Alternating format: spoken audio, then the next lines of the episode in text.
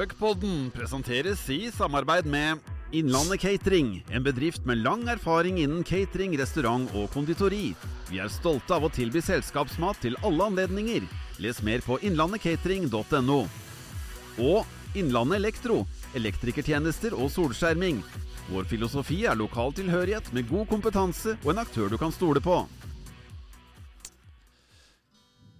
En skulle spilt inn podkast rett før romjul. Og kjent en driftssjef født i 65. Og alle skulle levert litt bak mikken. Og servert røvers til en bæsmorhem. Og nå er det puckpod igjen. Nå er det puckpod igjen, og det er Puckepod, pod, pøkke, pøkke, pod, pod.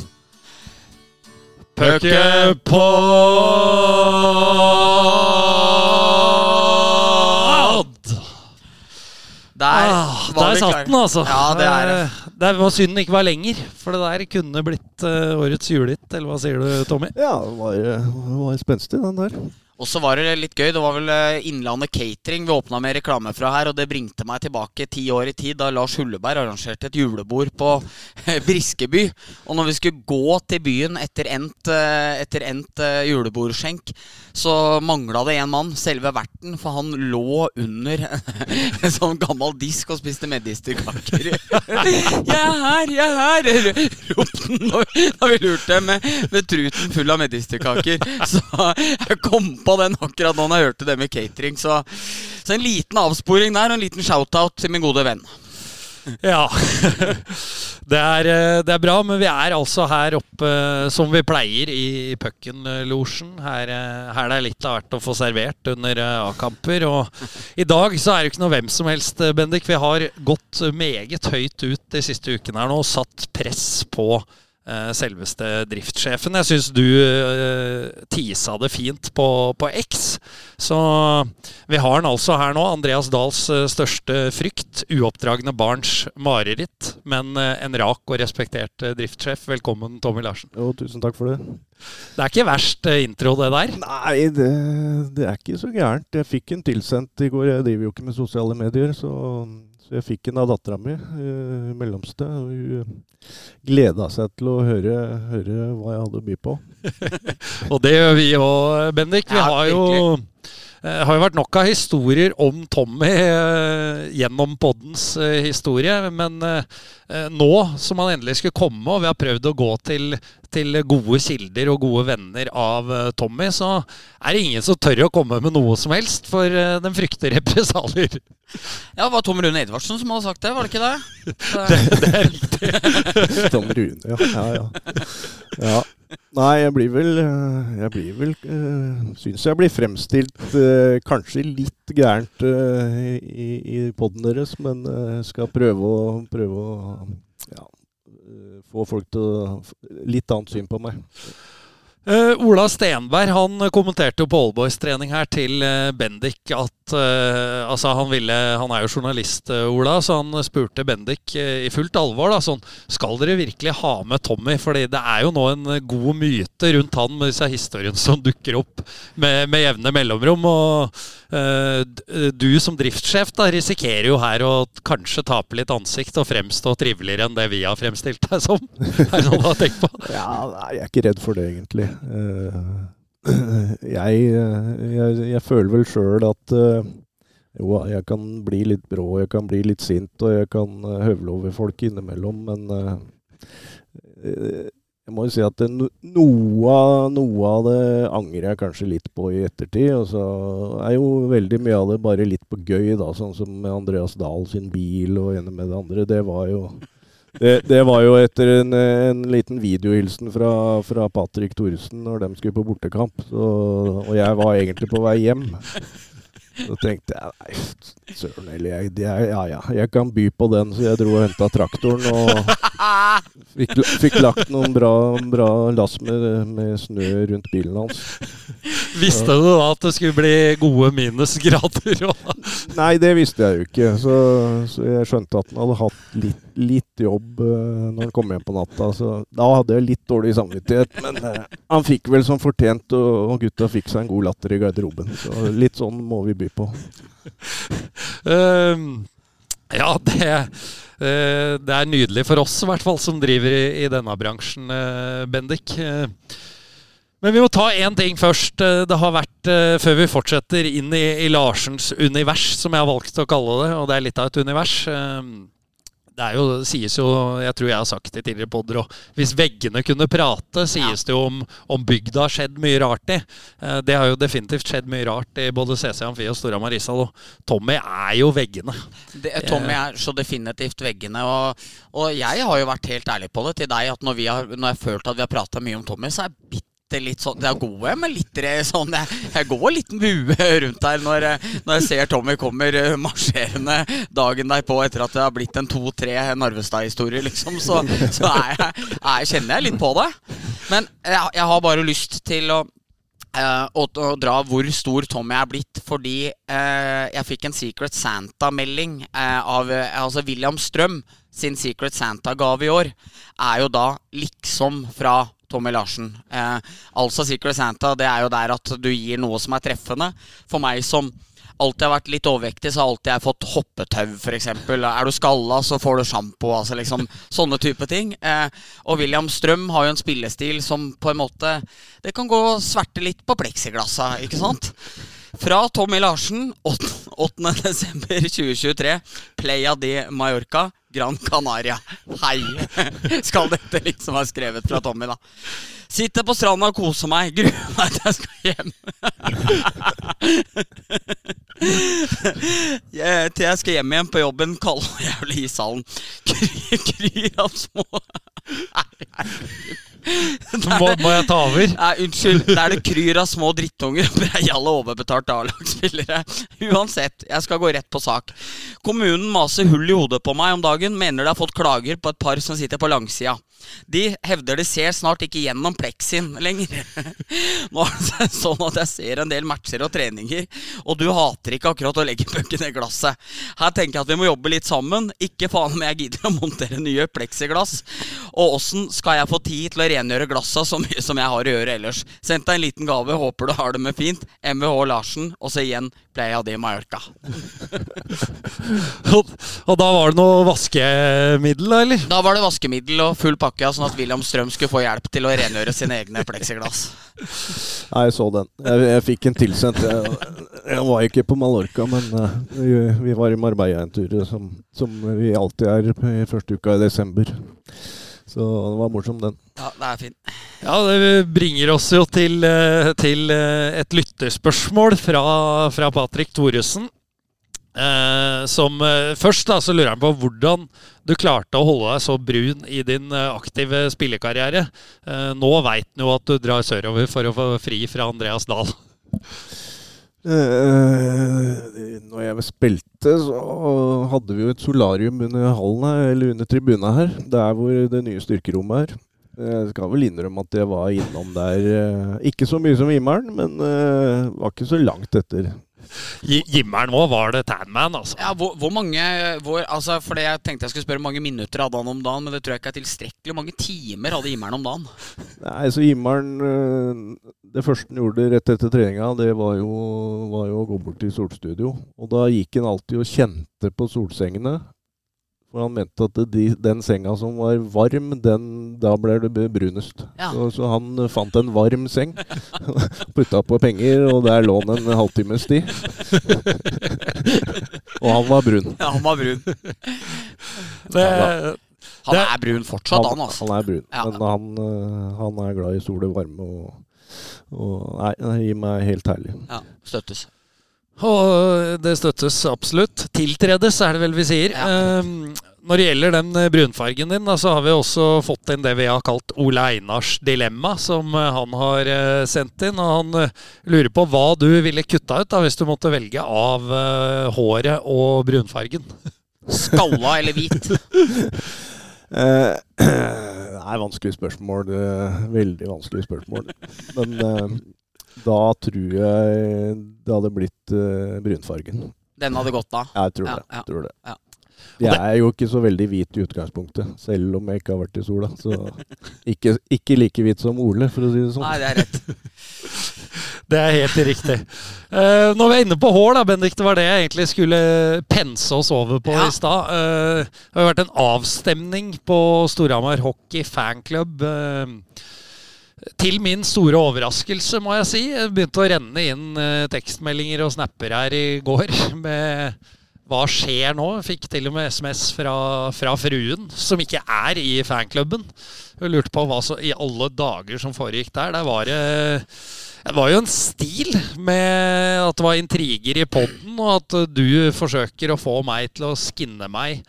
Eh, rett og slett for at du skal heve deg, heves opp nærmere mitt nivå på utseendet, Ja. sto det. Ja, jeg så det. Eh, Det var jo voldsomt, da, men eh, det jeg har tatt med meg ut fra det, var jo det at sveisen min ble omtalt som en stilblanding mellom 80-talls hockeycut og 90-talls halvlangt med midtskill. Ja, Det, det er jo en sveis selveste Paul Mitchell ville hatt i repertoaret, tror jeg. Ja, nei, er helt enig. Og det var jo Tom Normann Trender som skrev dette velartikulerte, gode innlegget. Og sjelden har jeg vel noen gang uh, mora meg så mye med å, omtale, med å bli omtalt som styggest i en duo, men eh, den, den, den, den, fikk jeg bare, den fikk jeg bare ta her. Jeg, jeg leste inn, Jeg visste faktisk ikke om det. og ja, si at en gang om dagen, eh, en gang hverandre, så er jeg innom Storhamar Hockey Fanklubb for å se litt hva som rører seg og ikke rører seg der inne. Og, og jeg, jeg, liksom, jeg bare blingsa over navnet ditt litt tilfeldigvis der, og begynte å lese det innlegget og syntes det var enorm humor. Jeg tenkte at uh, de glade gutter uh, har jo gjort noe rett når uh, såpass mange mennesker bryr seg om hvilken sveis du skal ha på hodet, Erik. Og så så skal ikke jeg fortsette mitt manipulative forsøk på å komme forbi deg utseendemessig, så ha det håret du vil. Takk for det, Bendik. Men det er fælt da for de som eh, stemmer på at du skal ha hår, at eh, hadde dette vært liveinnspilling nå, ville de blitt veldig skuffa, for du er den eneste av oss tre som sitter med lue på deg. Ja, eh, det er riktig. Jeg har ikke fått ordna manken i dag, og den, den legger seg ikke sånn naturlig veldig bra. Så Det hvis, det er, hvis du er skin, så slipper du det. Sånn som for meg i dag, så er det ikke noe problem. Men det var i hvert fall et fantastisk innlegg. Ja, det det var var, veldig, veldig eh, var stor eh, humor. Det, det beste Eh. fra Storhamar Hockey Fanklubb, eh, må jeg si. Ja, det var veldig bra. Og de som eh, stemte for Skin, som jeg kjenner eh, Jeg har notert det. Men jeg blir veldig skuffa når jeg ser André Paulsen og Paul Morken og Kevin Bergson og gutta som kjenner deg, stemme for at du skal fortsette sånn som du er. Det, det er grått for meg. Det må jeg bare si. Ja, Jeg ser på det som at de tok rygg, i hvert fall. Fantastisk eh, var det. Så de som er der inne og ikke har sett det, da, så eh, det var, eh, det var morsomt skrevet av Veldig. den godeste Tom. Ja. Så det skal han få poeng for hos meg. Korrekt. Vi skal eh, snakke litt eh, driftssjefarbeid før vi skal eh, vri oss over mot spiller- og trenerkarriere. For du har vært aktiv der også, Tommy. Men du nevnte jo litt med Dahl sine parkeringer. Men nå som vi har deg, så må vi jo snakke litt om denne famøse bildesession som var ute på isen her. Med bikkjer og hele. Hva? Ta oss gjennom hva som gikk gjennom huet ditt eh, når du oppdaga det der. Nei, jeg hørte jo Bendik sin eh, versjon på, på podkasten her, og den, eh, den stemte jo ganske bra. Det, det var jo sånn at Jeg husker ikke hva jeg drev med. Og det nærma seg lunsj, og når jeg er sulten, så de alle som kjenner meg, vet at når blodsukkeret er lavt, så er lunta ekstra kort. og jeg var, jeg var Jeg kom rundt hjørnet der, og så, og så så jeg ut på isen, og så, og så snudde jeg meg igjen og så tenkte jeg, hva faen så jeg nå? Jo da, da så jeg jo en diger bikkje ute på isen. Og da, da tente jeg. Og, ja, det blei kanskje litt i overkant uh, tenning, men uh, Og jeg ga meg jo ikke heller, så Ja, jeg kunne moderert meg litt. Uh, Jeg ser det i ettertid, men jeg får skylde på Adrian at jeg var veldig sulten, og blodsukkeret var ekstra lavt. Men bikkjer på isen, det, det har vi ikke. Nei, og der fikk vi jo Vi var vel snille og anonymiserte det den gangen det ble lest opp. Men da fikk vi navnet òg, så da er det jo greit. Ja, eh, det er jo litt typisk. Eh, Altså Adrian Saksrud var jo involvert i da vi fikk eh, brev inn i Tuck Palace-garderoben, som det het da vi var junior òg, husker jeg. Da Tommy var sånn passe lei av hvordan vi oppførte oss borte på felt K med søpla vår. Husker det? Den husker jeg. Ja, Til dere som sitter, skråstrek ligger, for det var jo sånn sittestilling de fleste hadde på felt K. Plukke opp søpla deres. Det er helt riktig. Og den søpla stappa dere under det der bordet der, så det var liksom helt umulig å få tak i det. Ja, når vi er, når vi er litt nostalgiske, da, så var det jo faktisk sånn, Tommy, at på 90-laget, da Jeg er jo 89. eh, men eh, du var jo litt mør av, eh, av at dem var litt treige i garderoben på de seine treningene. Og eh, omtalte dem da som det jævlere 90-laget. Så en periode når vi var en 14-15 der, så gikk jo du også under kallenavnet Jævlere. når du ikke var der, riktignok. Jeg lurer på om det kanskje var et par av de gutta der jeg låste inne. I gamle juniorgarderoben. Ja, det, det var noe julebord. Nei, det var Jeg tror det var sein trening. Altså, det, det var jo Det var jo Jeg, jeg jobba skift. Jeg begynte jo i hallen her i, å jobbe så smått i 95, så jeg har jo vært der en stund. Ja. Og, og så når jeg ga meg som spiller, så jobba jeg jo skift og hadde kveldsskifte. Og jeg var jo rimelig lei av juniorer som uh, brukte votter og vinter i dusjen etter uh, siste økta, liksom. Så jeg var jo inne og trua dem at nå låser jeg døra. Vi hadde ikke alarm på den tida der, men eh, vi hadde jo nøkler, så vi kunne jo låse hallen. De trodde jo ikke på meg, så jeg låste hallen og dro hjem. Og eh, dagen etterpå så var det jo skjært ut i, i For det var jo så små vinduer. Så under de der kassene så var det sånn plate foran Ja. vinduet for at ikke Ja. folk skulle se inn. Der hadde jo gutta med, fått gnagd høl med eh, med, med, en sag da, og fått klatra ut av sånne små vinduer. Det var et par stykker, jeg husker ikke hvem det var. Men det, det nå, Et mysterium ble løst for meg, for det jeg alltid lurt på. For det var jo Dette må jo være noen som var født tidlig på 80-tallet, eller eh, midt 80-tall, som eh, var juniorer på den tida. For jeg lurte alltid på hvorfor det var Ja, for når der- vi hadde garderoben også, så var det bue på det ene der, ja. vinduet. Det er riktig, for den var der i mange, mange år. Ja, Det var etter at driftssjefen hadde forlatt hallen med dem i gardineren. Ja. Ja, det er riktig. Den er sterk. Men da var jeg ikke sjef, da. Da var jeg, da var, da var jeg eh, vanlig, holdt jeg på å si, vaktmester. vaktmester. Vi hadde vel også en eh, Eller jeg hadde en quiz på Facebook, eh, Facebooks eh, spede start, som het 'Legendariske sitater', hvor det var lokale pokaler som hadde bidratt, og, du hadde mulighet til å gjette på hva som var korrekt. Da var det også et spørsmål om deg, Tommy. Husker du veldig godt, for Fredrik Bråten, vår gode venn, la ut, lagde en Twitter-konto for det her, hvor han hadde lagt ut spørsmål om deg, og det var hva, du, hva skal Tommy Larsen? Og da var jo det rette alternativet 'hjem igjen i kveld'. Okay. For det hadde du sagt mang en gang eh, til oss når vi var treige i ja. garderoben, at okay, okay. 'jeg skal hjem igjen i kveld'. Uh, og da var det vel eh, sikkert din eldste datter da som hadde retweeta det her og lagt ut uh, 'skal vel hjem att i kveld'. Så jeg sa hjem att òg. Da har jeg bodd her for lenge. Ja, men eh, det her er veldig radiofaglig sterkt av deg, eh, Tommy. For da, da skal vi inn på spillekarrieren din. Og Hamar og, og Storhamar er jo blitt hjemme, men uh, du er jo eh, forward-gutt uh, opprinnelig. men har også spilt i Vålerenga. Eh, men Bendik, eh, som du kunne opplyse meg om her, det er ikke mye Vålerenga-hjerte igjen i gutten. Nei, det er det ikke. Eh, Jeg satt jo her på en av treningene i forkant av semifinaliserien mot Vålinga og det hyggeligste jeg vet da, er jo at Tommy kommer og slår av noen ord før disse matcha. Vi gjør jo av og til det når det er litt toppkamper og vi gleder oss begge. Og da spurte jeg Tommy om han skulle innover. Nei, det skulle han ikke. For der orka han ikke å sette sine bein. hvis, hvis, hvis, hvis han ikke måtte. For, for å tape mot Vålinga der inne, det var liksom det verste han visste.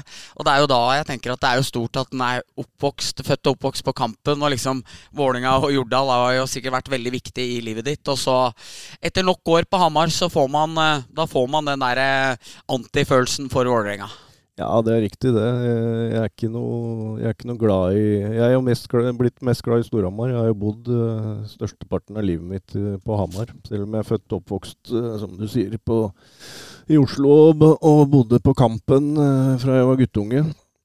Så nå har jeg vært for lenge på Hamar, og jeg, det er klart når du drar på Jordal og hører han der spikeren 'Takk skal du ha, vær så god', en gang til. Altså, da får du jeg får helt ille. Altså, og, det er, og det er nesten like ille som å dra til Lillehammer når de spiller den der Vi hører på Lillehammer Men eh, ja, sånn er det. Ja. Du blir glad i, glad i, den klubben du har vært i, i i så mange år. Ja, det er lov. Vi var vel inne på målsangen til Lillehammer i, i, forrige sending. Det er jo, Den fungerer til sitt bruk. Ja, for den irriterer, si det, sånn. Eh, den irriterer det laget som ikke er glad for den skåringa. det har vi også nevnt før, men eh, ja, vi fikk jo marsjordre av deg i den famøse kvartfinaliserien i var i 2011. Ja.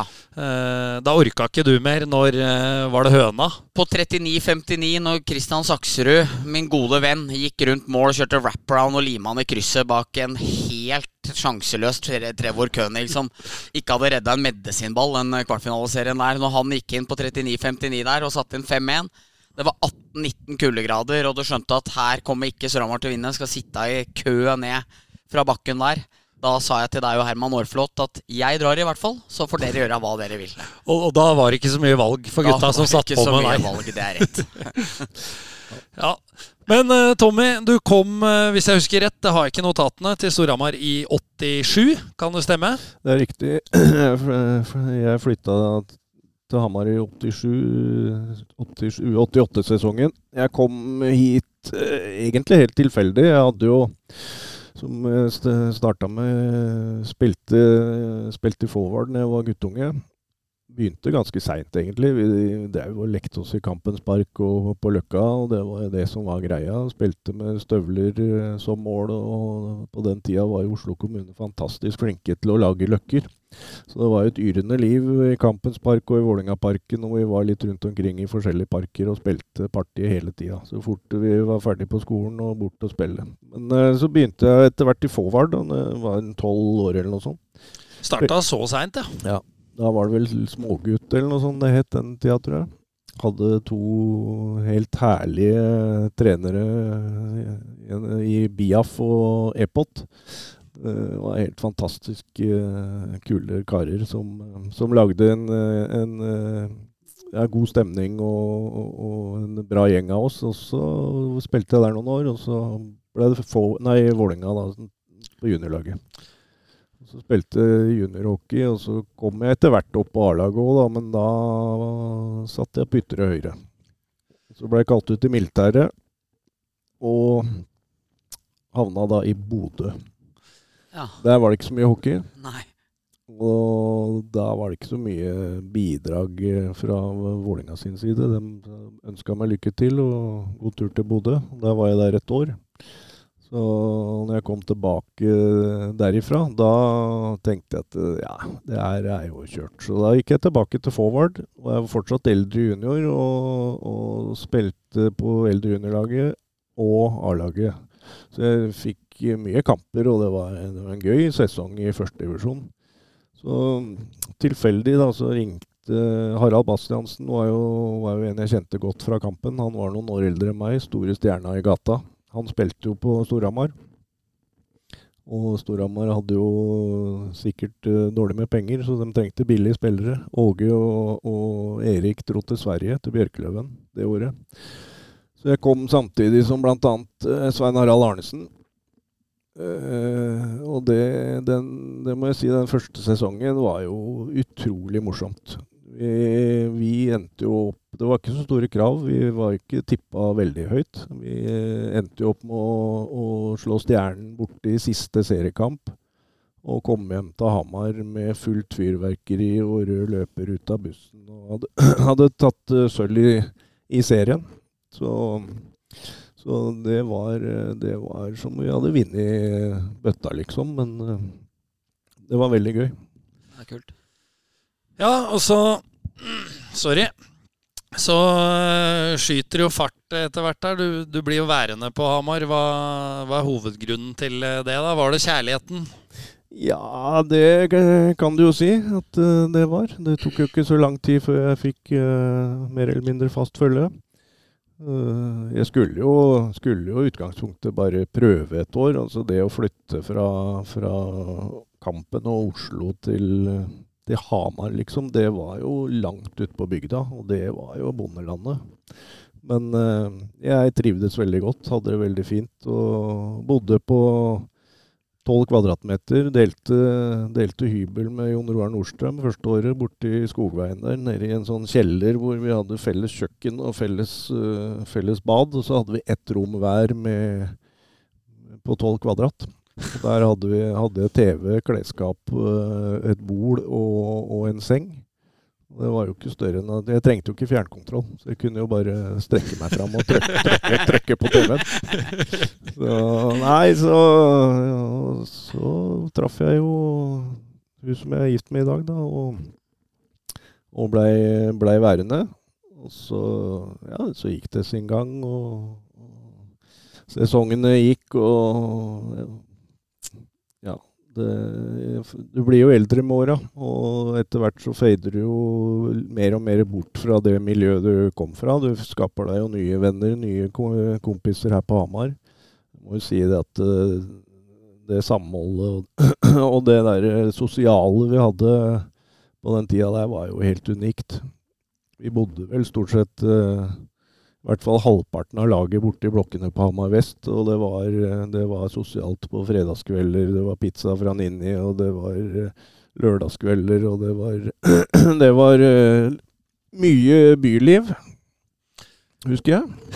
Det var vel, eh, det var vel en annen tid enn hva det er nå? Det var en annen tid, eh, selvsagt var det det. Vi, vi hadde, det jo, hadde, det jo, mye gøy sammen, eh, også ute på, på livet. Vi var, var, jo Tirsdager var det jo trivelig tirsdag hos Dag Henning på Traktøren.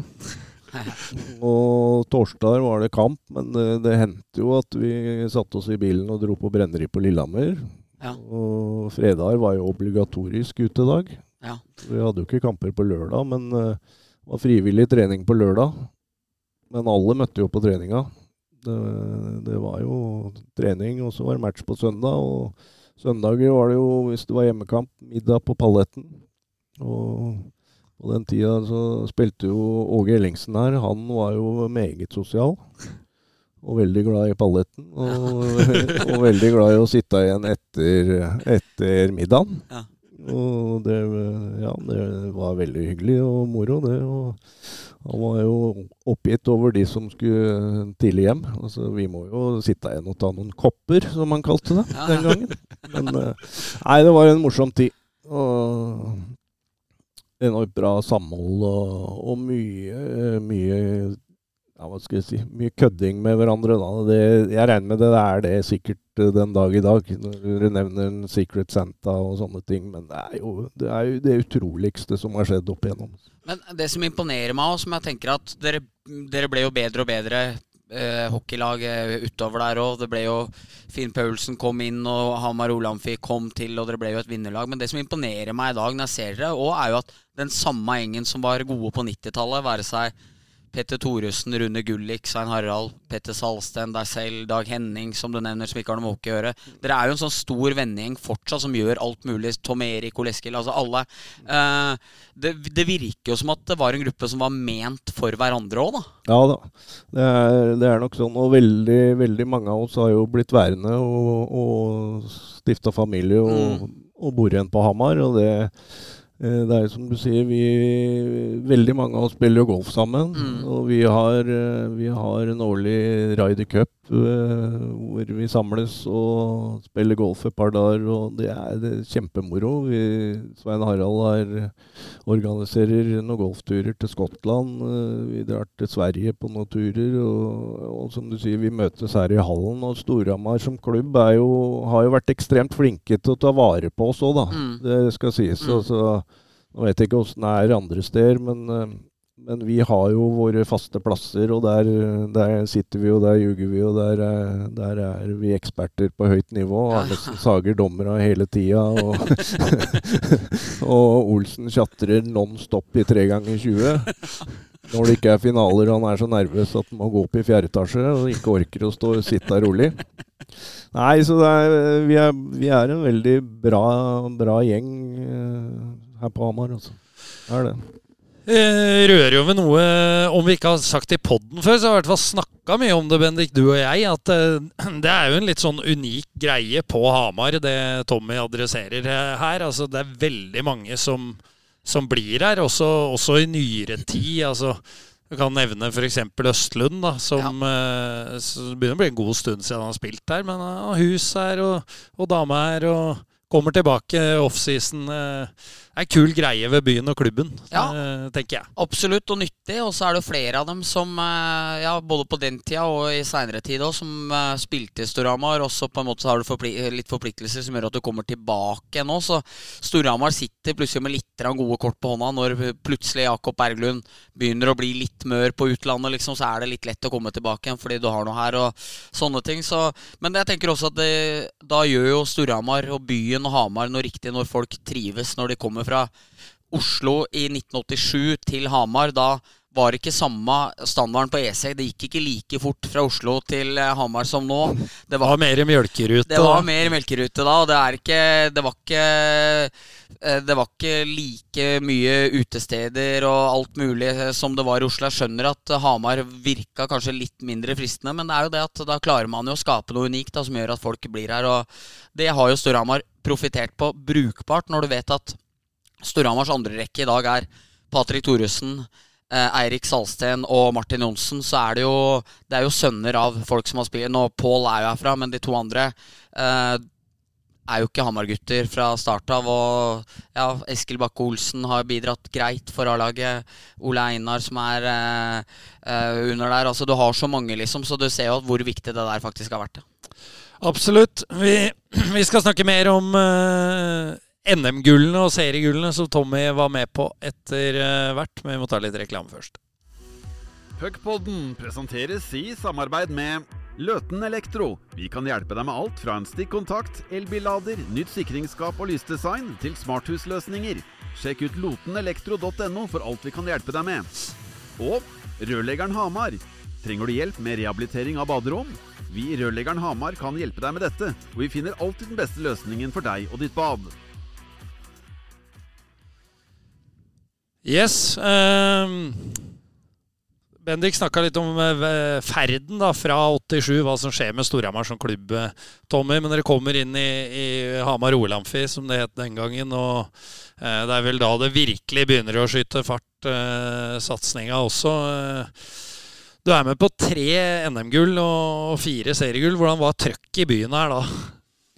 Ja, det var, det var helt vilt. Altså, vi, røyk jo den første på Lillehammer. Det var, vi var storfavoritter og, og røyk jo der, som alle vet. Og, og, året etter, da når vi endelig vinner, så, så tar det jo helt av. Altså, det tar jo av for eh, noen av enhver, for meg sjøl òg.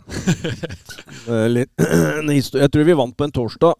Eh, det- Det var jo selvsagt da rett ut, og det var fest og det var moro hele natta. Og, og kom hjem sliten og trøtt og sover noen timer og tar en dusj og fyller opp posen og ut på ny fest uh, på fredagen. Og samme runden da kom hjem uh, trøtt og sliten og, og hviler litt.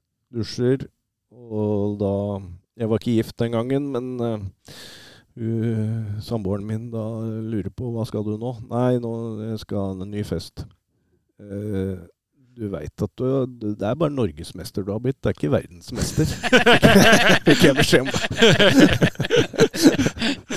Så, nei da, det var gøy. Veldig gøy. Av og til er det jo greit med disse kvinnene som kan holde oss litt nede på jorda. Det er rett. Eriksen. Det trengs av og til. Ja. Du sendte jo Tommy ned på jorda her. Eh, Det var, jeg var relativt ny, nyansatt i, i Storhamar Yngres eh, den gangen og skulle være med Tommy opp på oppdrag eh, her vi sitter nå. Vi skulle ordne et, eh, et kamera til eh, My Game. Og eh, da var det jo Vi skal ikke ta det i detaljer, Tommy, men det er ganske nære at du detter ned fra en kurv uh, og klasker i, i betongen. Og det er en fem-seks meter ned, og der uh, møter jo Å ja, vi må kutte Jo, jo, nei, nei, nei, Nei. For meg kan vi godt ta det. Ja, vi får ta en vurdering etterpå. Eh, jeg forteller dette til Bendik. Det var sjukt. Du er på tur ned. Du får grep med én hånd. Eh, får heist deg opp igjen, og vi finner ut at dette var ikke lurt. Eh, så forteller jeg dette til Bendik, og dagen etter så, så møter jo Bendik deg og kona di på, på spasertur. og ja, Bendik, det var jo du som var der. Ta oss gjennom den samtalen, da. Ja, det- Hvordan det var. Ja, fordi det var jo under korona, og jeg og Tommy og, og, og kona og vi møtte, jeg, jeg følte vi møttes hele tida under den perioden. her Vi gikk nærmest opp parallelt mot hverandre. For det, man kunne jo gjøre én ting, og det var å gå turer. Og jeg og Tommy møtte alltid på hverandre. Og så kom jeg jo i møte der, og der står jo de sammen. Og jeg bare Ja, så, så bra du ikke daua når du ramla i hallen her, eller? hva det var, liksom. Jeg bare Å, faen, jeg ble bekymra. Jeg ble, fikk helt hjertet i halsen da Erik fortalte det.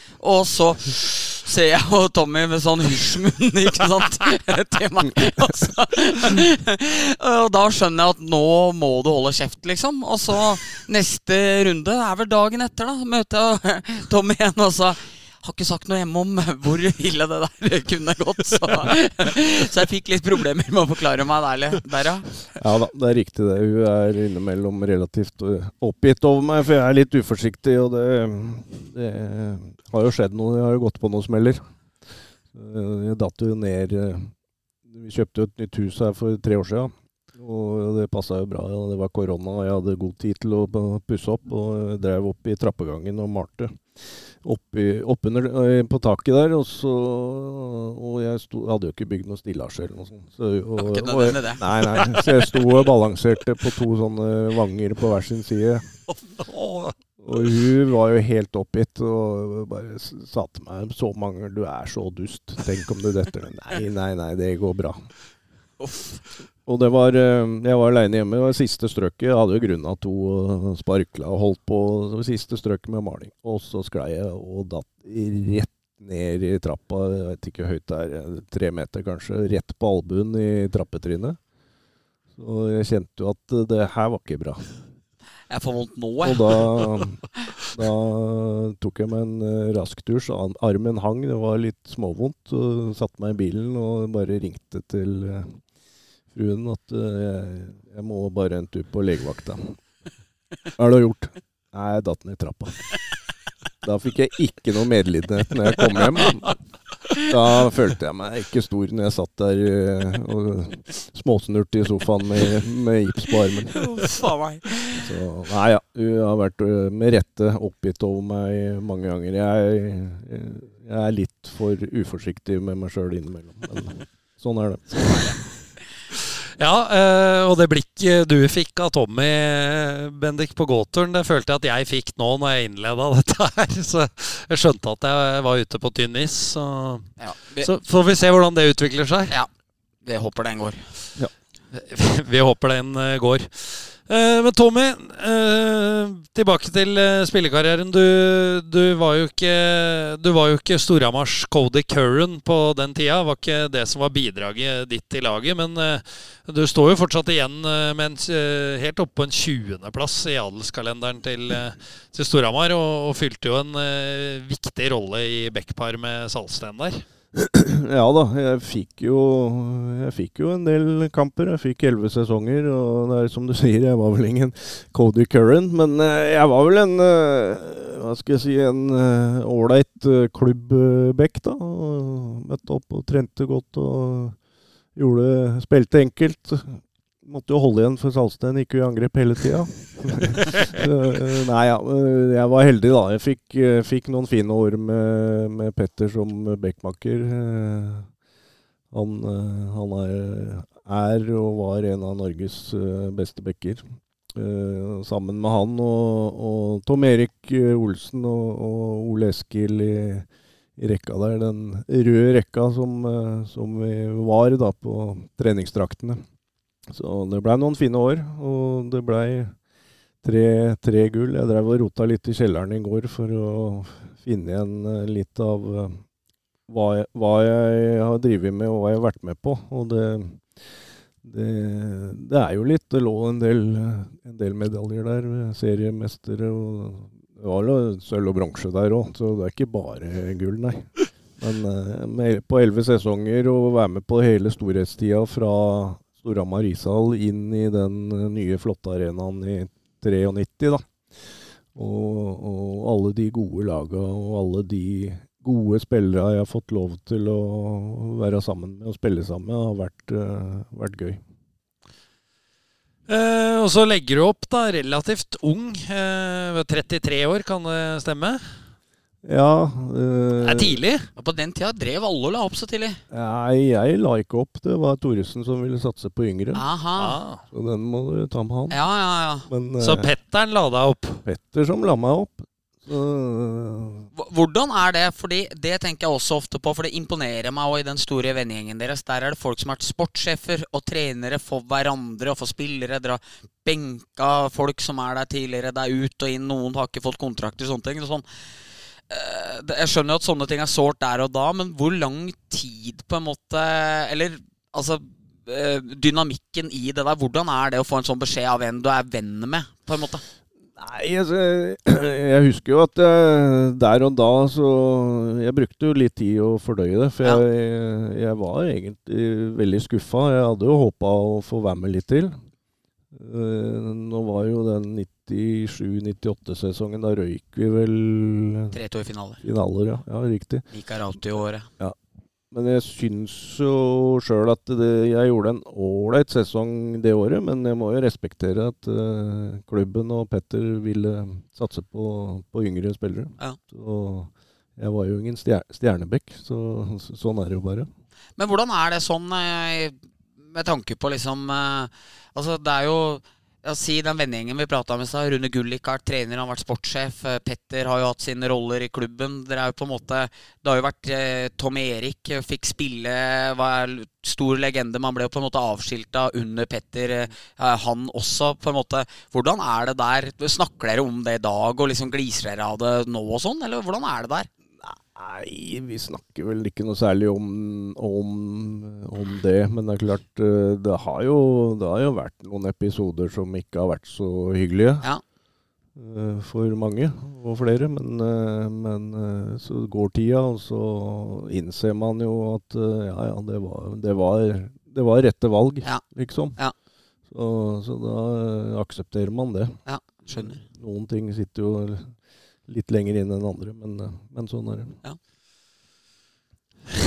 Det eh, gjør det, og så må vi Da skal vi bryte opp litt, da, med, med en eh, driftssjef, et driftssjefsinnspill igjen. Det er jo selveste TV 2-bossen.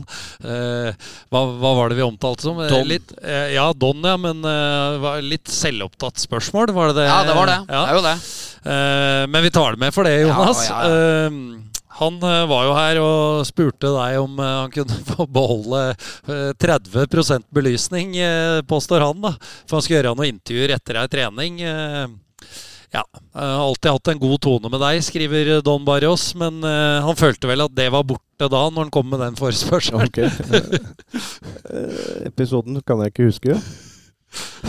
Så du har ikke stramma opp uh, sjølveste mafiabossen, altså? Jo, det kan jo hende, det. At, uh, det jeg husker det faktisk. Det kan hende. For, ja, for jeg skulle være med på det. Så vi satt oppe i tredje etasjen på Langvippen, som det heter. Og så da skulle vi jo ha hallen bak oss. Uh, og så skulle vi gjøre noen intervjuer. Og så, uh, mens vi var der, så begynner jo lyset å gå av etter A-lagstreninga. Og så det er jo dumt da, på en måte, for, for det vi er i.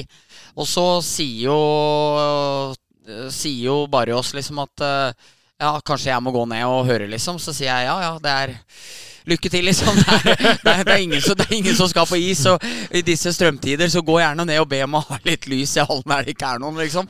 Så tror jeg han liksom manna seg skikkelig opp, da. Så gikk ned og spurte om eh, er det mulig å ha litt lys i hallen. 30% det var Eller et eller annet, et eller annet sånn. Så da blei det litt lys, og det blei litt, eh, litt annen bakgrunn enn bare svart eh, vegg bak oss der. Så det ordna seg, altså? Det ordna seg, ja. Men han var han Satt nok langt inne, tenker jeg. Ja, han, han kjente at han hadde vært hos rektor, liksom. Det er sånn det skal være. da Det er jo, det er jo sånn. Jeg er jo sånn Jeg får jo beskjed hjemme og innimellom hvis jeg går rundt og skrur av litt lys og demper litt her og demper, så får jeg beskjed at eh, du, du, er vaktmester i, i, hallen, liksom, men uh, her hjemme trenger du ikke å trenger du ikke drive sånn. Så, og det er jo sånn her, så fort A-laget er ferdig, så er jeg ganske rask med å dempe belysningen. Og det er vel skrudd sammen sånn at det er ikke vits i å pøse ut med, med, utgifter når man kan prøve å spare litt.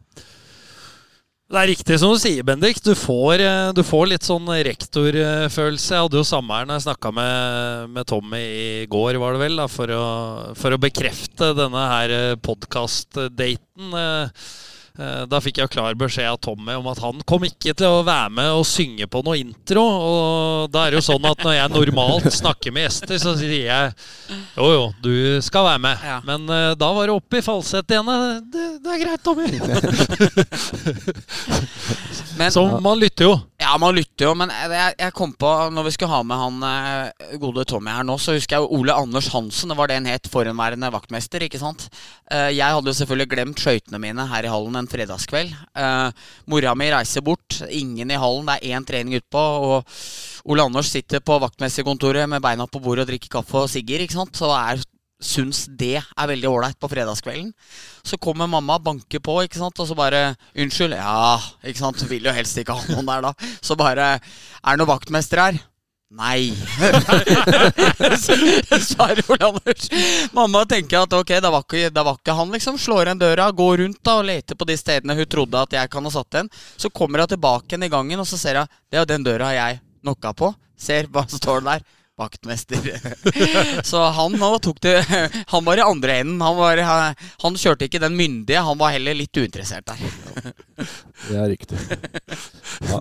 Nei, så de som føler så De som mener at jeg er sinna og vanskelig, liksom, de har ikke opplevd eh, de som var her eh, før. Nei, Roar Johansen, da Du kødda ikke da, altså? Når den blå sabben til Roar kom, eh, da han hadde jo ansvaret både her og på Presterud fotballbane, ja. og det veit jo sikkert dere, at hvis dere var ute på når bana er stengt ja og den blå sabben kom, han var jo ute døgnet rundt og sjekka at uh, det ikke var noen drittunger, holdt jeg på å si, småunger som, som uh, spilte på bana når den var stengt. Og når den blå sabben kom, da løp alle. Ja.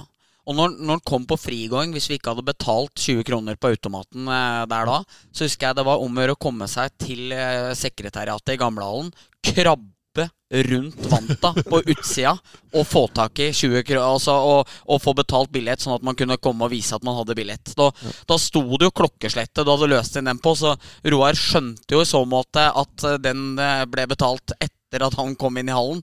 Men det var eneste måten å gjøre det på, for han hadde venta liksom, til, til, du blei tatt der. Altså. Ja, der, eh, men da er jo hensikten oppnådd, tenker jeg. Da betalte folk for frigåing. Ja. Så de penga som skulle bli brukt i Tropo og Ostebrix, de endte der de faktisk skulle. Ja. ja. Og kanskje en Balthazar òg? Ja, var ikke det den røde brusen til Grans? Jo, jo, jo. Det var mye fine røde brus Nei, mye fine sånne Tropo, min favoritt der. Det må jeg bare si. Ja. Den er ikke like god i dag. Nei, det er det ikke. Jeg smakte den jo på, i forbindelse med en barnebursdag hos søstera mi for noen år siden. Og det det er jo sånn De sier jo at du skal jo ikke se opp igjen heller eh, filmer. Da, da, tenker jeg ikke sånn type Brødrene Dal og sånn som vi er veldig glad i. Eh, som har den nostalgien. Men hvis du har sett en film si på en gang på 90-tallet, ja. at den var jævlig bra ja. eh, Ikke se den en gang jeg, til nå. Jeg, nei, jeg fikk meg skikkelig sjokk med Alene hjemme 2 i New York jeg, her forleden nå. Fordi jeg trodde den var dritbra, liksom. Og jeg har jo sett den noen ganger, men er så langtekkelig. Helt ufattelig ordentlig langtekkelig, liksom. Så da, der fikk jeg ordentlig sånn drag på meg på at uh, dette må du ikke gjøre igjen, liksom. Lev heller i illusjonen. Ja, nå er jo ikke vi noe, noe filmanmeldertrio sånn i utgangspunktet, men, eh, men eh, for, for, å melde meg på den, da Jeg er veldig glad i Hjemme alene-filmen. Altså, ja. Eller Alene hjemme, heter det vel. Ja. Men den nummer to der er jo klassisk film nummer to. Ja. Her var det noe som funka. Da må vi bare gjøre mye mer av det, og så blir det altfor mye. Ja, rett og slett. Nok av folk som har brent seg der, altså.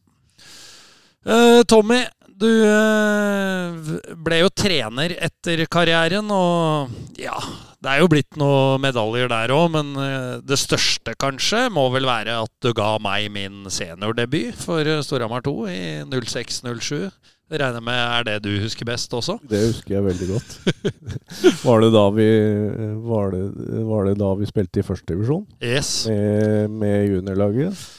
Og jeg fikk da debut en gang på nyåret i Lørenskog ishall. Borte mot A-laget til Lørenskog, som var i førstedivisjon den gangen. Og Atle Olsen spilte. Atle Olsen spilte. Ja. Uh, den var ganske gode ja. i førstedivisjon, og spesielt mot juniorlaga, uh, som uh, vi var. Men uh, blei scoring også i debuten, faktisk. Så en utrolig viktig 7-2-redusering. Ja, men det, det skal inn, det òg. Jeg veit ikke hvor utviklende det året var. For et stakkars juniorlag å reise rundt og få kjempemaling av, av voksne karer. Nei, det var vel ikke så Det var ikke med på å sette så veldig god kultur, nei. For det spilte jo liksom ikke så mye rolle hva du gjorde ellers, fordi du skulle tape uansett. Ja. Eh, de aller fleste matcha. Ja. Så det var, eh, var beintøft. Men eh, trenerkarrieren, eh, Tommy. Du har trent mange lag aldersbestemt, og, og juniorlag også. Men du har også vært assistent på A-laget for, for, Rune Gulliksen, Lars Molin, Petter Thoresen og Petter Salsten. Så du har vært med på litt der òg? Ja, det er riktig, det. Jeg, jeg, jeg, ga meg, jeg, ga meg, i 98. Ja, da det første laget jeg trente, det var jo 84-årgangen. 98-99 et bra lag, det òg, med, gode spillere. Bl.a. Marius Holte, da, som, som, forsvant til Sverige etter hvert. Jeg tror og mener å huske at vi vant uh, gutt 15, både serie og sluttspill det ene året. Jeg husker ikke helt, men jeg tror det.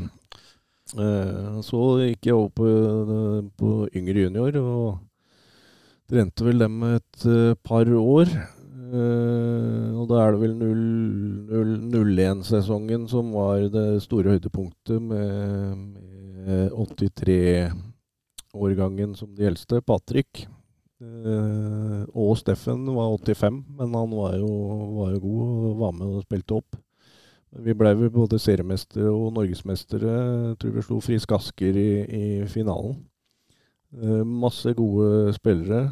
Født 83, 84 og noen 85-ere med Steffen og, og Hans Stubberud. Ja, han var god, ass. Han var kjempegod.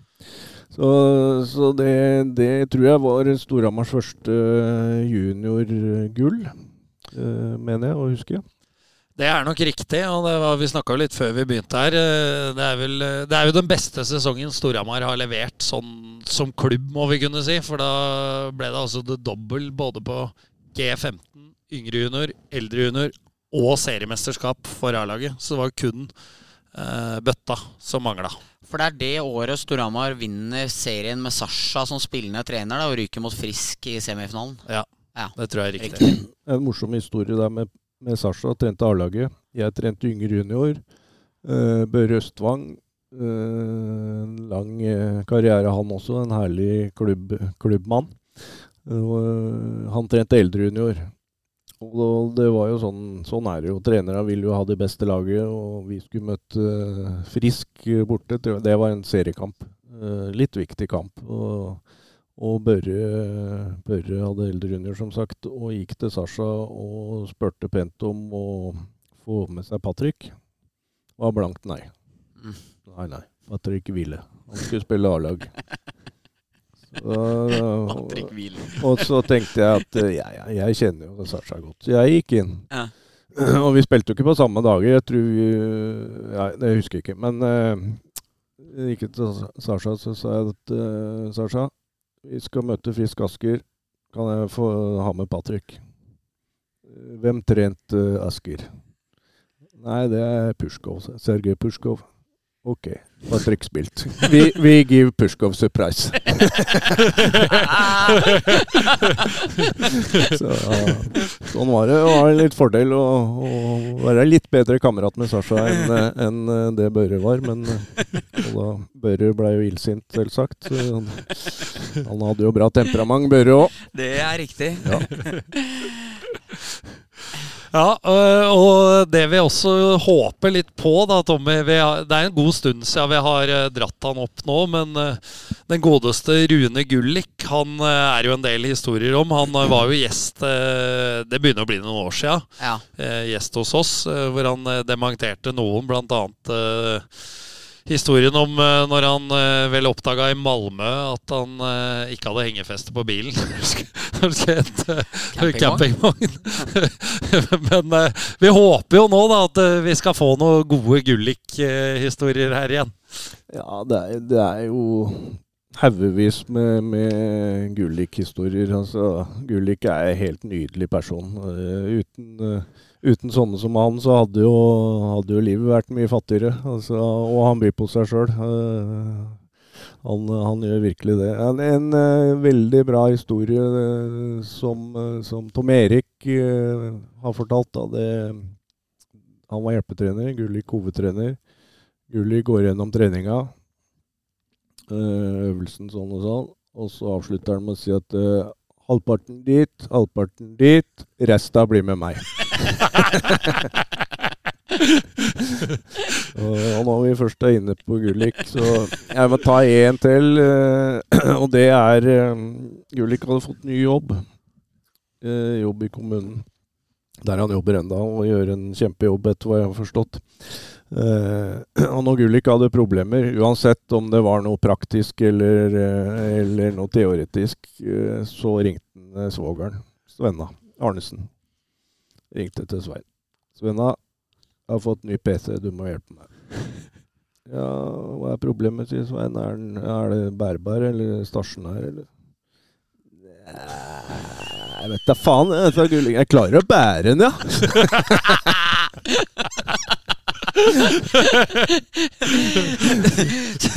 Stasjonær eller bærbar ble for guffent å starte på der, ja.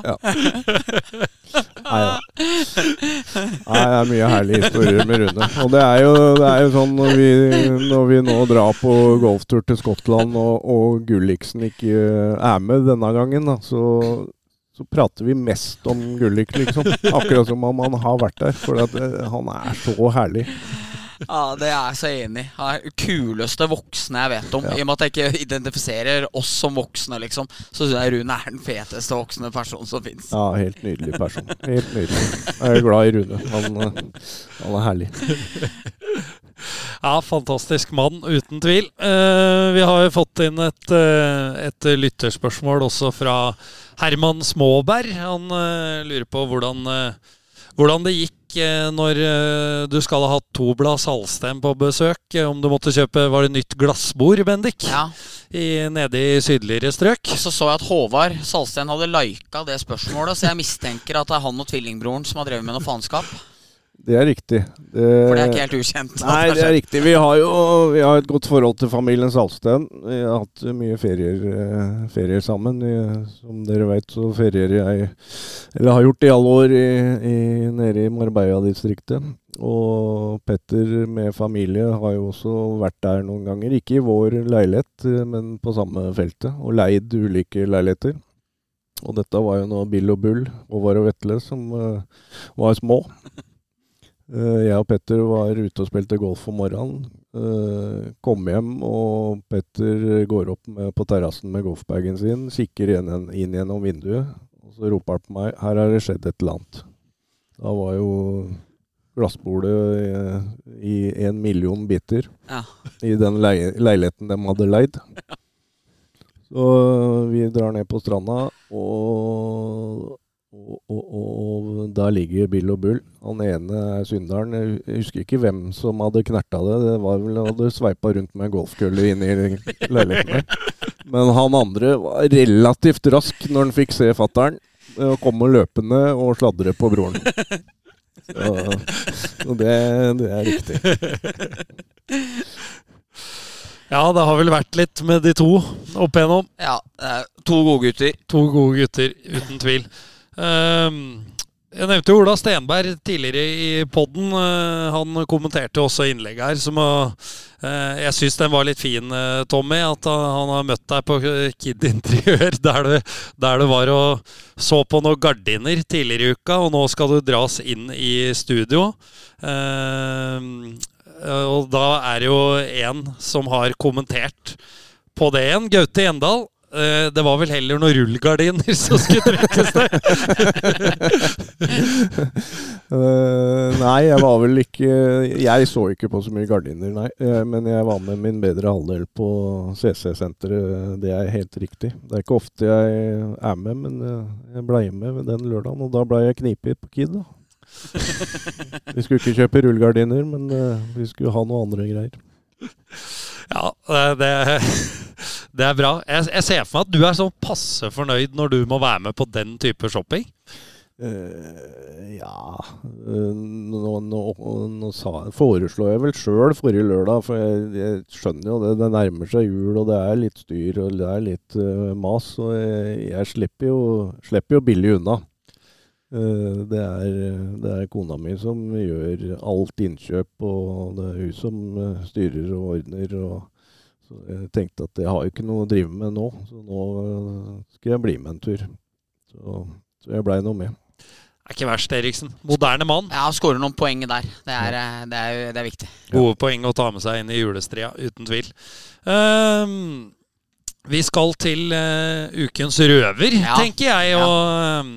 Er jo en mann med, med A-kamper eh, som, som, nå spiller sin hockey for eh, Storhamar 2, som er sentral eh, her. Eh, det er yngste bror eh, Langedalen eh, vi skal til, som, som viser opp god hockeyforståelse etter noen år i gamet, Bendik. Ja, eller språkforståelse. Det kan jo folk få debattere litt og være, tenke litt på når røveren er over. men Even Langdalen, eh, som du sier, han uh, var jo oppe og var så vidt eh, litt innom A-laget. Var litt sånn på vippen. Jeg syns at i 16-17 var det Sjø Robert-sesongen, tror jeg, så var jo han faktisk Hadde litt å bidra med, men nådde akkurat liksom ikke helt gjennom nåløyet og endte jo opp med å spille på Gjøvik som mange Hamar-gutter har gjort. Og det er vel der i en bortekamp mot Furuset, tror jeg det er, at uh, Langdalen blir sentral i den historien her. da, Fordi det hadde vært en tam match, uh, ræva match, og treneren da hadde jo skreket og hoia litt og sånne ting. Og så hadde han liksom dratt på litt og sånne ting, og så hadde han sagt, henvendt seg til gutta så Hei, du må skaffe litt momentum! Momentum! Og så har det vært helt dødt hos Langdalen, liksom. Så sier han Even, vet du hva momentum betyr, eller? Ja, fjell på engelsk.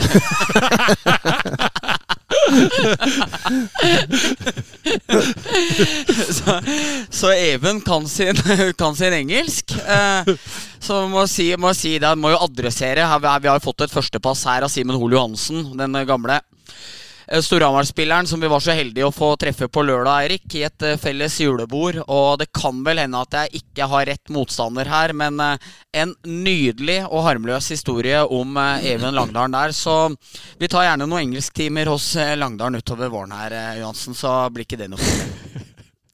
Nei, den er sterk, den. Men jeg skjønner jo at det var litt dødt hos Langdalen hvis han trodde at uh, treneren mente at de skulle ut og skaffe fjell ja. i, i, neste periode. Ja, guffen i Furuset den. Så det er jo uh, problematisk. Uh, vi skal videre, og da må jeg lese litt reklame. Ja, Glemte det. forrige gang, ja. men uh, eminente Jan Morten Frengstad redigerte inn fra en uh, gammel sending. Det er rett. Vi ser om jeg får det til uh, denne gangen. Uh, ukens blomsterkvast og ukas kaktus presenteres i samarbeid med Obos. Visste du at som Obos-medlem får du halv pris på K-feltet i Amfin? Da kan du jo ta med kjerringa og begge unga på kamp for 320 kroner. Da blir det mye penger til popkorn, si. Gå inn i Silappen og bestill. Halv pris der, altså. Ja, den er så jævlig legendarisk i det manuset du har fått, at du skal si 'popkorn', si. Altså, det er liksom Ja, ja, ja. Det, det står det. Ja, jeg vet det, så jeg så... veit at du er nødt til å si det, men det er så døvt, liksom. Så inntil jeg får surra meg til å lese det inn, ja. så blir det jo vanskeligere og vanskeligere å være engasjert sånn jeg var første gangen. Men beholdes den der vittige sien etter, etter popkorn når du gjør det sjøl, da? Du er lojal og pliktoppfyllende, så det kan jo hende Ja, jeg på den. anser meg sjøl som lojal og pliktoppfyllende, så Ja. jeg tror, eh, tror den blir med. Altså, Ja. Men jeg skal prøve å få spilt inn, så jeg slipper å ta det live eh, Hver gang. hver gang. For Ja. som sagt, eh, engasjementet det dør jo mer og mer for hver gang. Så utpå nyåret så går jeg antagelig bare i mute. Ja. Så, så blir det bare den eh, fine vignetten som jeg frykter var litt høy denne gangen her. Men eh, Syns det funka bra, Erik. Vi får bare se. Vi skal i hvert fall ha uh, ukas uh, blomsterkvast. Uh, jeg kan starte. Ja, gjør det. Da skal jeg faktisk dele ut en hel krans, og det går til Lars Helmersen, som er materialforvalter på Storhamars U13-lag. Eh, Sto jo her på lørdag når vi hadde julebord, Bendik, og den tradisjonelle julebordshokken skulle gjøres unna. og Jula er for tradisjoner, og Ja. da kommer jo folk uten å ha slipt skøytene. Det er jo selvfølgelig ingen som har gjort noen forberedelser, det hører jo også med. Eh, Men da var altså Lars på arbeidet og slipte opp for gutta så det holdt. Så vi fikk spilt litt. Jeg vet ikke om du var blant de som fikk eh, slippe? Jeg slipper ikke hvis jeg ikke har store hakk i skøytene mine. Nei. Men det var i hvert fall veldig snilt, og det ble noen gode bidrag til lagskassa til U13 også. Så takk skal du ha, Lars, for at du redda julebordsjokken. Stort av Lars. Tommy, Blomst. Blomst nå, ja. Ja, den, eh, den er ikke vanskelig. Den, eh, den må jeg jo gi til kona mi, som, eh, som har latt meg få holde på med mitt i, i så mange år. Over, over 20 år var jeg vel med som, som trener. Til tross for et uh, stritt liv på hjemmebane, så har jeg fått lov å, å holde på med det. Eh, hun har stilt opp på alle mulige måter. eh, uh, Og ikke minst alle fine matpakkene. Jeg Er det hun som smører for deg? Ikke nå lenger, men hun tar godt vare på meg, ja. Men når, når vi skulle på bortekamper, bussturer, så, så Vi hadde jo kåringer. Årets matpakke. Den Ja. var jo soleklar. Jeg fikk jo den hvert år. Ja. Du kan jo spørre Liffen hva, hva han syns om matpakkene mine. Det, det var høyt nivå. Ja, det vil jeg tro. Men hun, hun hevder jo at eh, det er fordi at eh, hun ønska guttas beste. Og var redd for at lunta var kort når blodsukkeret datt, så derfor så var det viktig at jeg fikk eh, bra med mat. Ja, det er lurt. Det høres Ja. veldig, veldig lurt ut. Ja. Nei da. Hun har, hun har vært, vært en klippe i heimen i alle år. Vel fortjent eh, det, Bendik. Vel fortjent. Uten at vi har vært sånn Vi har jo ikke vært tett på familien Larsen.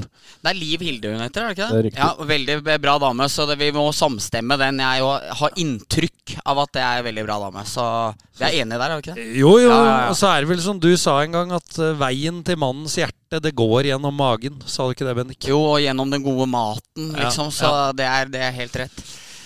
Så det eh, Nei, jeg tenkte faktisk at jeg i denne anledning jeg òg skulle gjøre litt som Tommy gjorde. Jeg tenkte jeg skulle gi til Karoline, som eh, jeg har vært Se gutta spille dødspass ja, på meg ja, det var det jeg tenkte. Jeg, jeg, nå spiller vi deg i døden. Du, du gir til Matris på G13, og her kommer, gutta, her kommer gutta opp med bedre halvdeler. Jeg tenkte jeg skulle gi til Karoline, som er helt nydelig og helt fantastisk, som jeg har vært så heldig å få bli sammen med.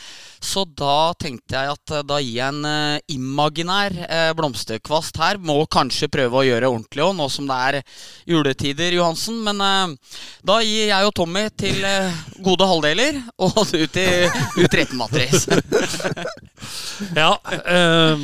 Eller skal Sara få noen fine ord nå, kanskje? ja, da kan slenge på det.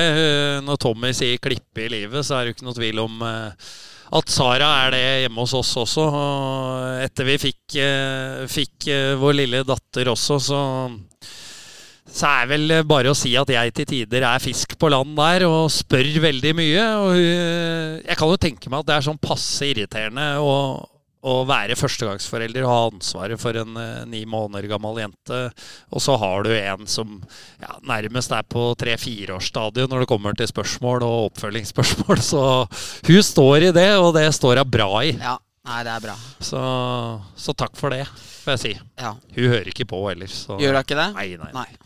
Ingen fare. Du får be henne eh, høre på. Nå, nå får hun det her tilsendt, vet du. Ja, det skal vi ordne. Ja. Vi går til eh, kaktus. Eh, Det har jeg lyst til å gi til eh, Karl Skoga, svenske hockeyklubben. Jaha. Dette tipset fikk jeg av Mats Hansen. Et veldig godt tips. Og det dem, som de skrev i pressemeldinga, det fungerte ikke så godt der nå, så de måtte gjøre noen endringer på ledersida. Ja. Sparka assistenttrener. det er så skjevt, det, når, når klubber gjør det. Så nå blir det sikkert jævlig bra. Uff a meg. For da har du for lang kontrakt eller noe på hovedtreneren, sikkert, og så blir det for dyrt å gjøre det. Så da er det assistenten. Ja, det syns jeg var eh, helt fantastisk når Ja. Mats eh, fortalte det. Og, og Tommy, du som har vært fire gang, assistent fire ganger her, du må jo tale assistenttrenernes sak nå. Ja, ja, ja, ja. Nei, altså her har det jo vært motsatt. Der er det hovedtrenere som har fått fyken, og jeg har Stått igjen. har stått igjen. Så, så jeg, har, eh, jeg har fått være med på, på mange, mange ulike trenere, ja, og ulike lederstiler. Men eh, når hovedtreneren har måttet gå når du har vært assistent, du har vel aldri sittet og tenkt at det er jeg som burde gått, det er jeg som er ansvarlig?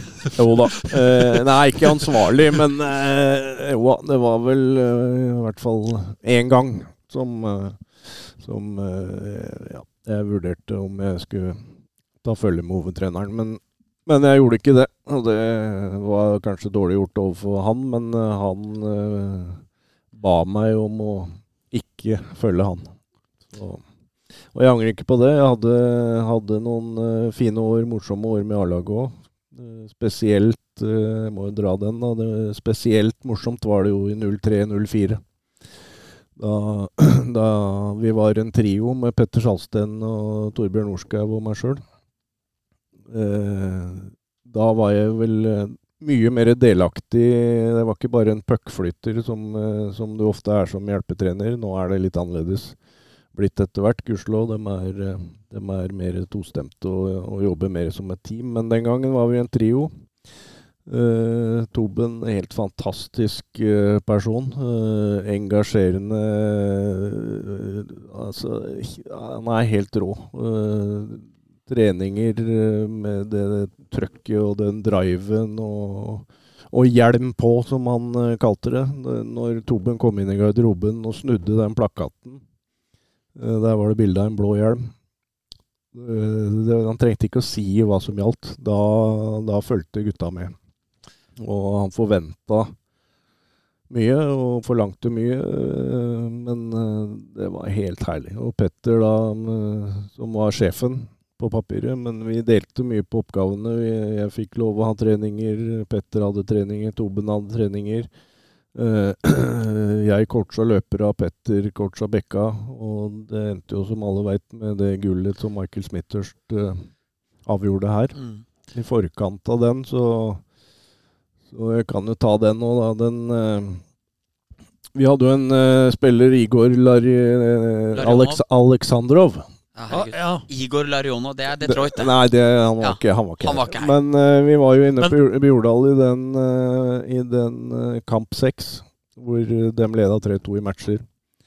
Og eh, Igor uh, blir grisetakla blindside i midtsonen av Ryman. Eh, kommer, blir båret inn i boksen, og, og Eva, som var lege den gangen, hun kommer bort til meg og sier det at uh, han er ferdig, han skal ikke spille mer. Men han var jo god og kunne jo avgjøre, så etter, etter en liten stund eh, på slutten av trea der, så spurte jeg åssen er det. I'm ok, I'm ok. Så jeg slapp han utpå. Og hva gjorde han? Han det var jo payback nede i rundvante. Kjørte over Ryman, fikk fem pluss liten.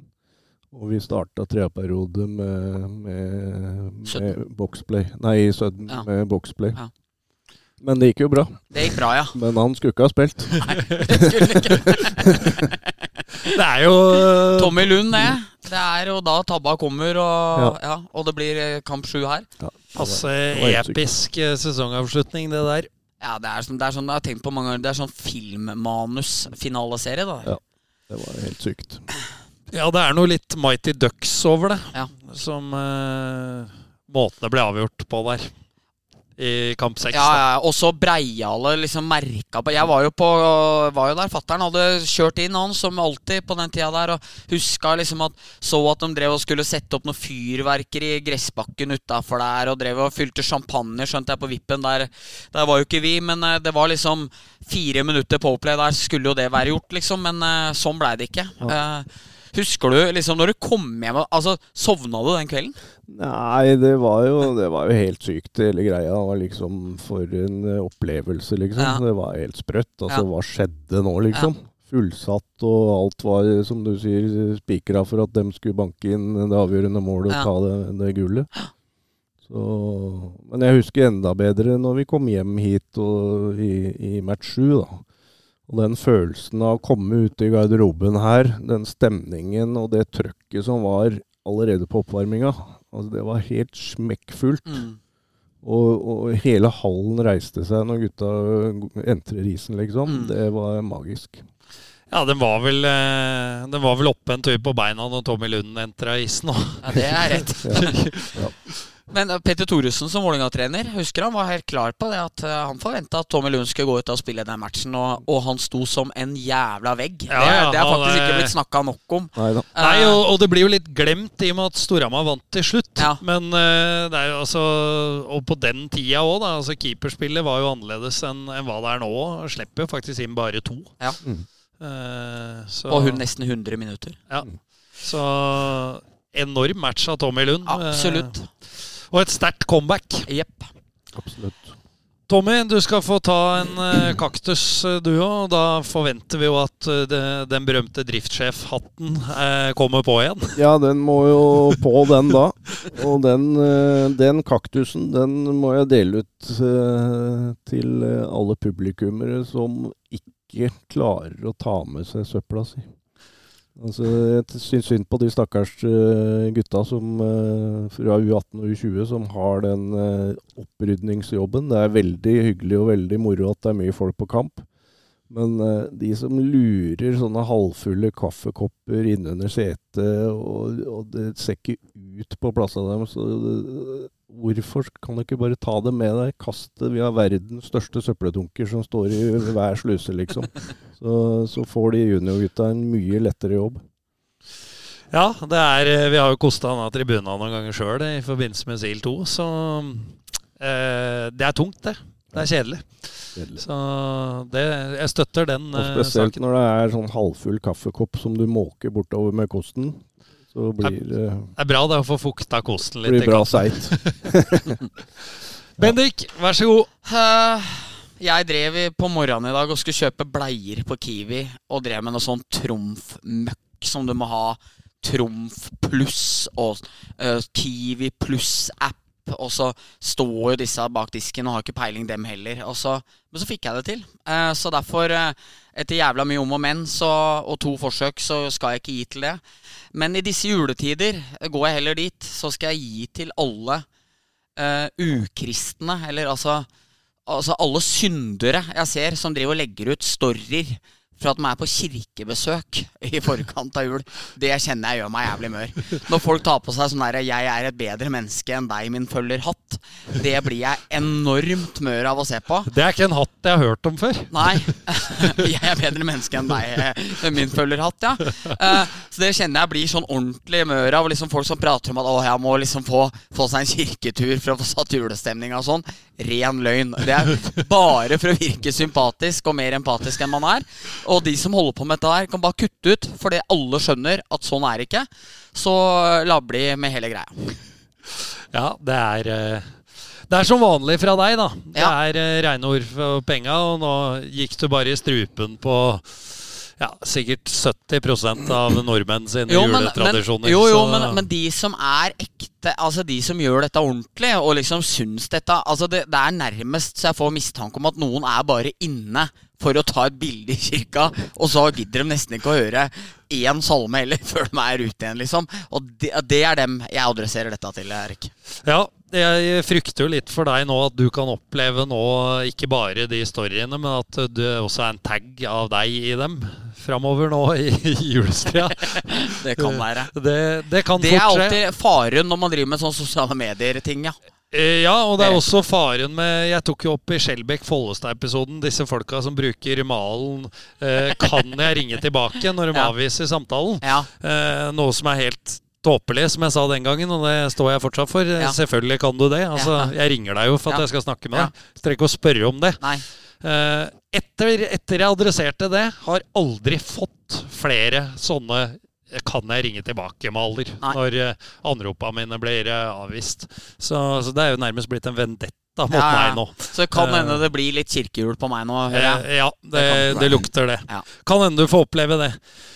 Når det nå nærmer seg jul, da kan jeg skyte inn en liten story. Har vi tid til det? Mm, Vi har tid til det, Tommy. Det er jo, som jeg var inne på, vi, det, det har vært mye fleiping og mye kødding opp gjennom åra i, i min aktive karriere. Vi, da kom jeg til å tenke på Jeg kom fra Oslo, og, og her på Hedmarken så heter jo folk rakfisk.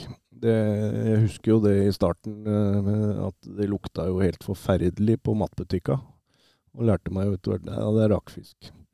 Så var det vel en eh, tipper det er Martin Aalberg som eh, har en finger med i spillet. Jeg tror det var Svein Harald og Petter Salsten som skulle på noe samling på Lillehammer.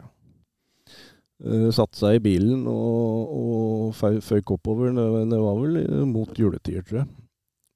Og Passerte Brumunddal og lukta jo så jævlig fisk, ikke sant. Og, og så sier Svenna, det lukter, lukter fisk her. Ja, det er rakfisk, sier Arnesen. Det, det er folk skal ha rakfisk og kjørte videre, og det ble verre og verre og verre. Og til slutt så sa de nei, det må være noe gærent her. Så da stoppa bilen, hadde opp panseret. Da hadde jo Martin Aalberg vært på fiskebutikken på, eller fiskedisken på Maxi og lagt, kjøpt ei diger sånn flyndre og lagt oppå motorblokka. Den svei godt fast i, i varmemotoren. Meg. Ja, det er, eh, den er fin, Tommy. Det er eh, Og Arnesen hadde litt kul bil òg. Han, han var jo i Forsvaret, Arnesen.